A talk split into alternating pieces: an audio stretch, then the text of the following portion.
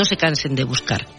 La única novedad es que el PP, que aprobó en Europa el grueso de la agenda verde, habla ahora de dogmatismo medioambiental en su pelea con Vox por el voto.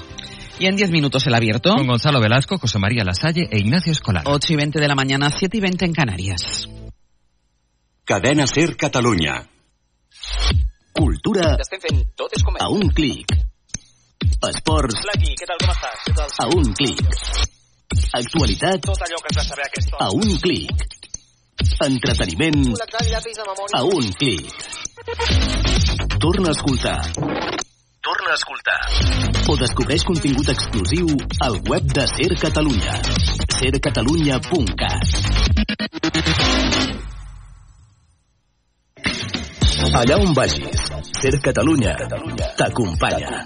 Escolta Ser Catalunya en directe des de qualsevol lloc amb l'aplicació de la cadena Ser. Ser Catalunya. Som a tot arreu. Som al teu costat. Descarrega't l'app de la SER i busca Ser Catalunya.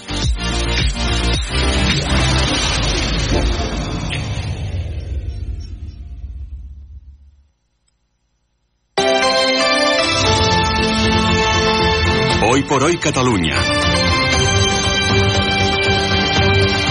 Sergi López.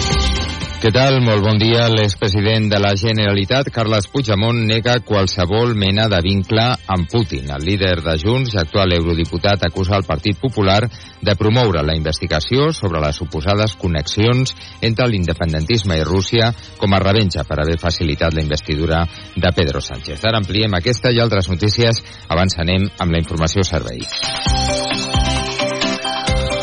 El primer de tot, saber el temps que ens espera avui, Jordi Carbó. Ja tenim aquí el canvi de temps que entre avui i demà provocarà pluja a tot Catalunya. Avui en dos episodis. El primer fins al migdia, pluja feble. Entre el vespre i la propera matinada és com plourà amb més intensitat i persistència. Avui afectarà sobretot a les comarques de Tarragona i Lleida, especialment al Pirineu, en menor mesura les de Barcelona. Poc plourà a les comarques de Girona, on en canvi, demà a la tarda, juntament amb les comarques del nord de Barcelona, el riu Llobregat serà el límit, cauran xàfecs i alguna tempesta descarregant amb forta intensitat. Diumenge, cada cop més clarianes, temperatures a la baixa, juntament amb el vent, sensació de més fred.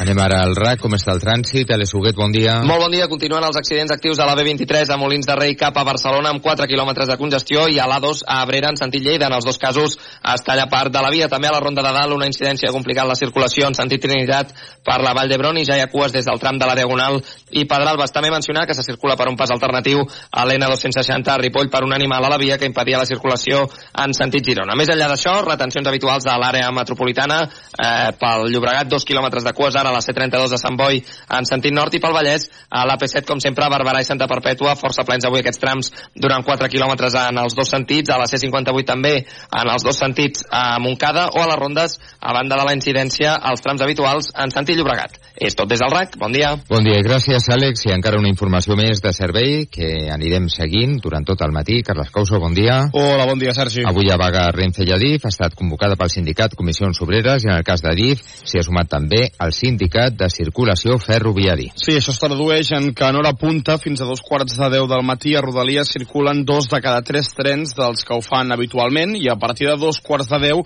només es mourà un de cada tres convois fins que arribi la franja a l'hora punta de la tarda, entre les 5 i dos quarts de nou del vespre. A l'AVE i als llarga distància hi haurà uns serveis mínims del 73%. A hores d'ara, tot i petits retards puntuals, des de Renfe avisen que els serveis mínims poden absorbir la demanda d'un divendres qualsevol. Sí que hi ha afectació a aquesta hora la línia Barcelona-Vallès, els trens amb destinació plaça Catalunya. Una avaria a les instal·lacions genera alteració de la freqüència de pas.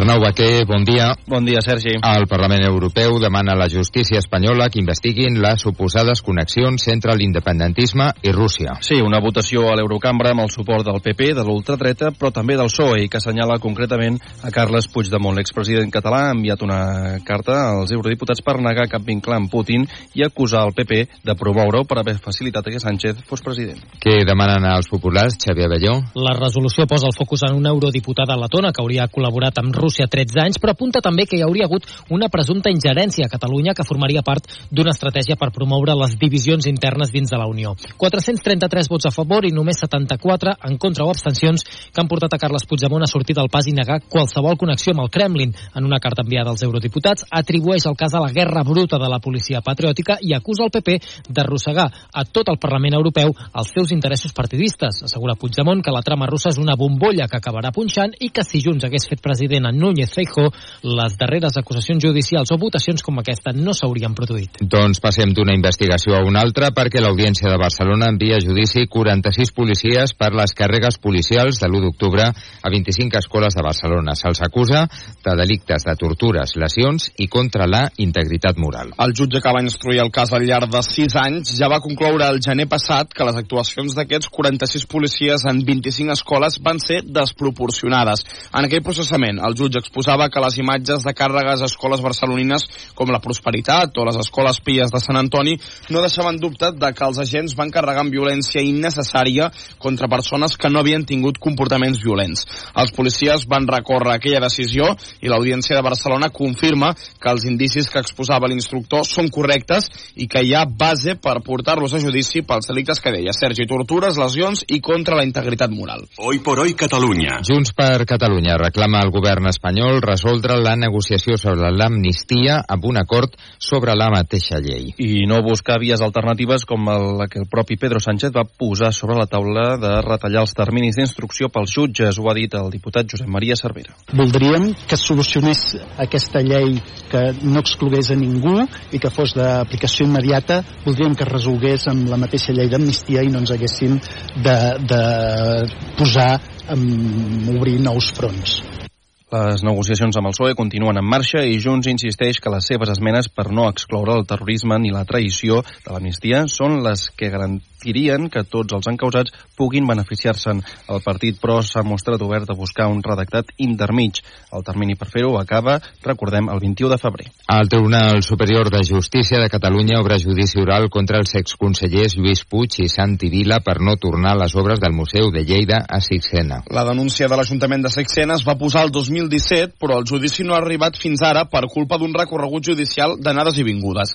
La Fiscalia demana 6.000 euros de multa per a cadascun i l'Ajuntament de Sixena, que és acusació particular en la causa, demana una multa més gran i també una inhabilitació.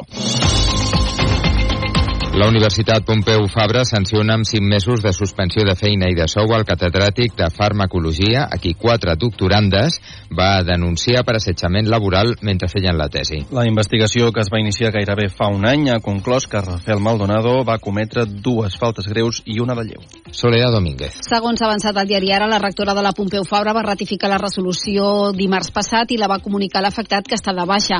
Quatre doctorandes van denunciar per assetjament laboral al catedràtic Rafael Maldonado. Les quatre investigadores denunciaven que mentre feien la seva tesi, Maldonado els donava molta més feina de la que podien assumir, les amenaçava i creava en definitiva un ambient de treball intimidatori. Inicialment, la universitat no va fer cas de la denúncia perquè les quatre afectades la van presentar un cop s'havien deslligat de la universitat, però el passat mes de febrer es va obrir un expedient que ha acabat ara amb aquesta sanció. I encara de l'àmbit de l'educació, Carles, Junts demana una reunió urgent amb les conselleres d'Educació i de Cultura per exigir que les proves orals de català es facin a tots els alumnes, no només a uns quants. Sí, des del partit etiqueten d'insuficient la rectificació de la consellera Anna Simó, que ha demanat que es faci la prova almenys a un centenar de centres. A Esports, l'entrenador del Girona, Mitchell, confia poder comptar amb el golejador Dovic per demà al camp del Real Madrid. Joan Tejedor, bon dia. Bon dia, el davanter ucraïnès encara no s'ha pogut entrenar amb normalitat en tota la setmana, però el tècnic del Girona és optimista en que avui ho provi i es vegi en condicions de ser titular en un partit en què no hi seran encara David López Nidón i Villa, més dels sancionats Angel Herrera, David Blin i el propi Mitchell, que no podrà seure a la banqueta, però les absències no li treuen el son. És desproporcionat per mi, però, però ja està. I sense Blin també hem jugat sense Dobby, sense Víctor, sense Aleix, tota la temporada sense jugadors importants i l'equip sempre ha donat la seva millor versió. Estic tranquil en aquest sentit. El Madrid-Girona, en què hi ha en joc el lideratge de la Lliga, és demà a dos quarts de set de la tarda. I avui més de 18.000 persones s'ompliran al Sant Jordi per escoltar Batgiel.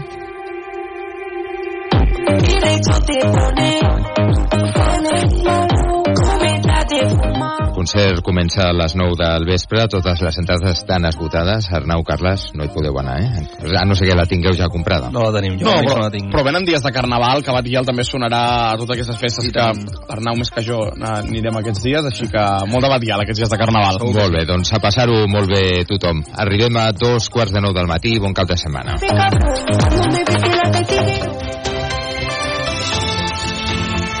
En la cadena Ser, hoy por hoy, con Ángeles Barceló. Son las ocho y media de la mañana, las siete y media en Canarias.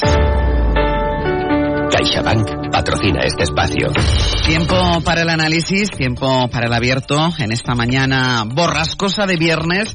Frío, viento, lluvias por la borrasca, Carlota, lluvias interesantes en el sentido de que pueden ayudar a paliar la sequía en Andalucía, no así en el Mediterráneo, pero lo que antes decíamos mal tiempo, ahora es buen tiempo prácticamente en toda, en toda la península. Un tiempo que va a acompañar a las tractoradas que están previstas también para hoy. Saludo primero a los analistas de esta mañana. Gonzalo Velasco, ¿qué tal? Muy buenos Hola, días. buenos días. José María Lasalle, muy buenos días. Hola, buenos días. E Ignacio Escolar, muy buenos días. Buenos días. Decía tractoradas de hoy porque sigue habiendo concentraciones de tractores en algunos puntos de España, en algunas carreteras y en el interior de algunas eh, de las principales capitales de provincia. Eh, por ejemplo,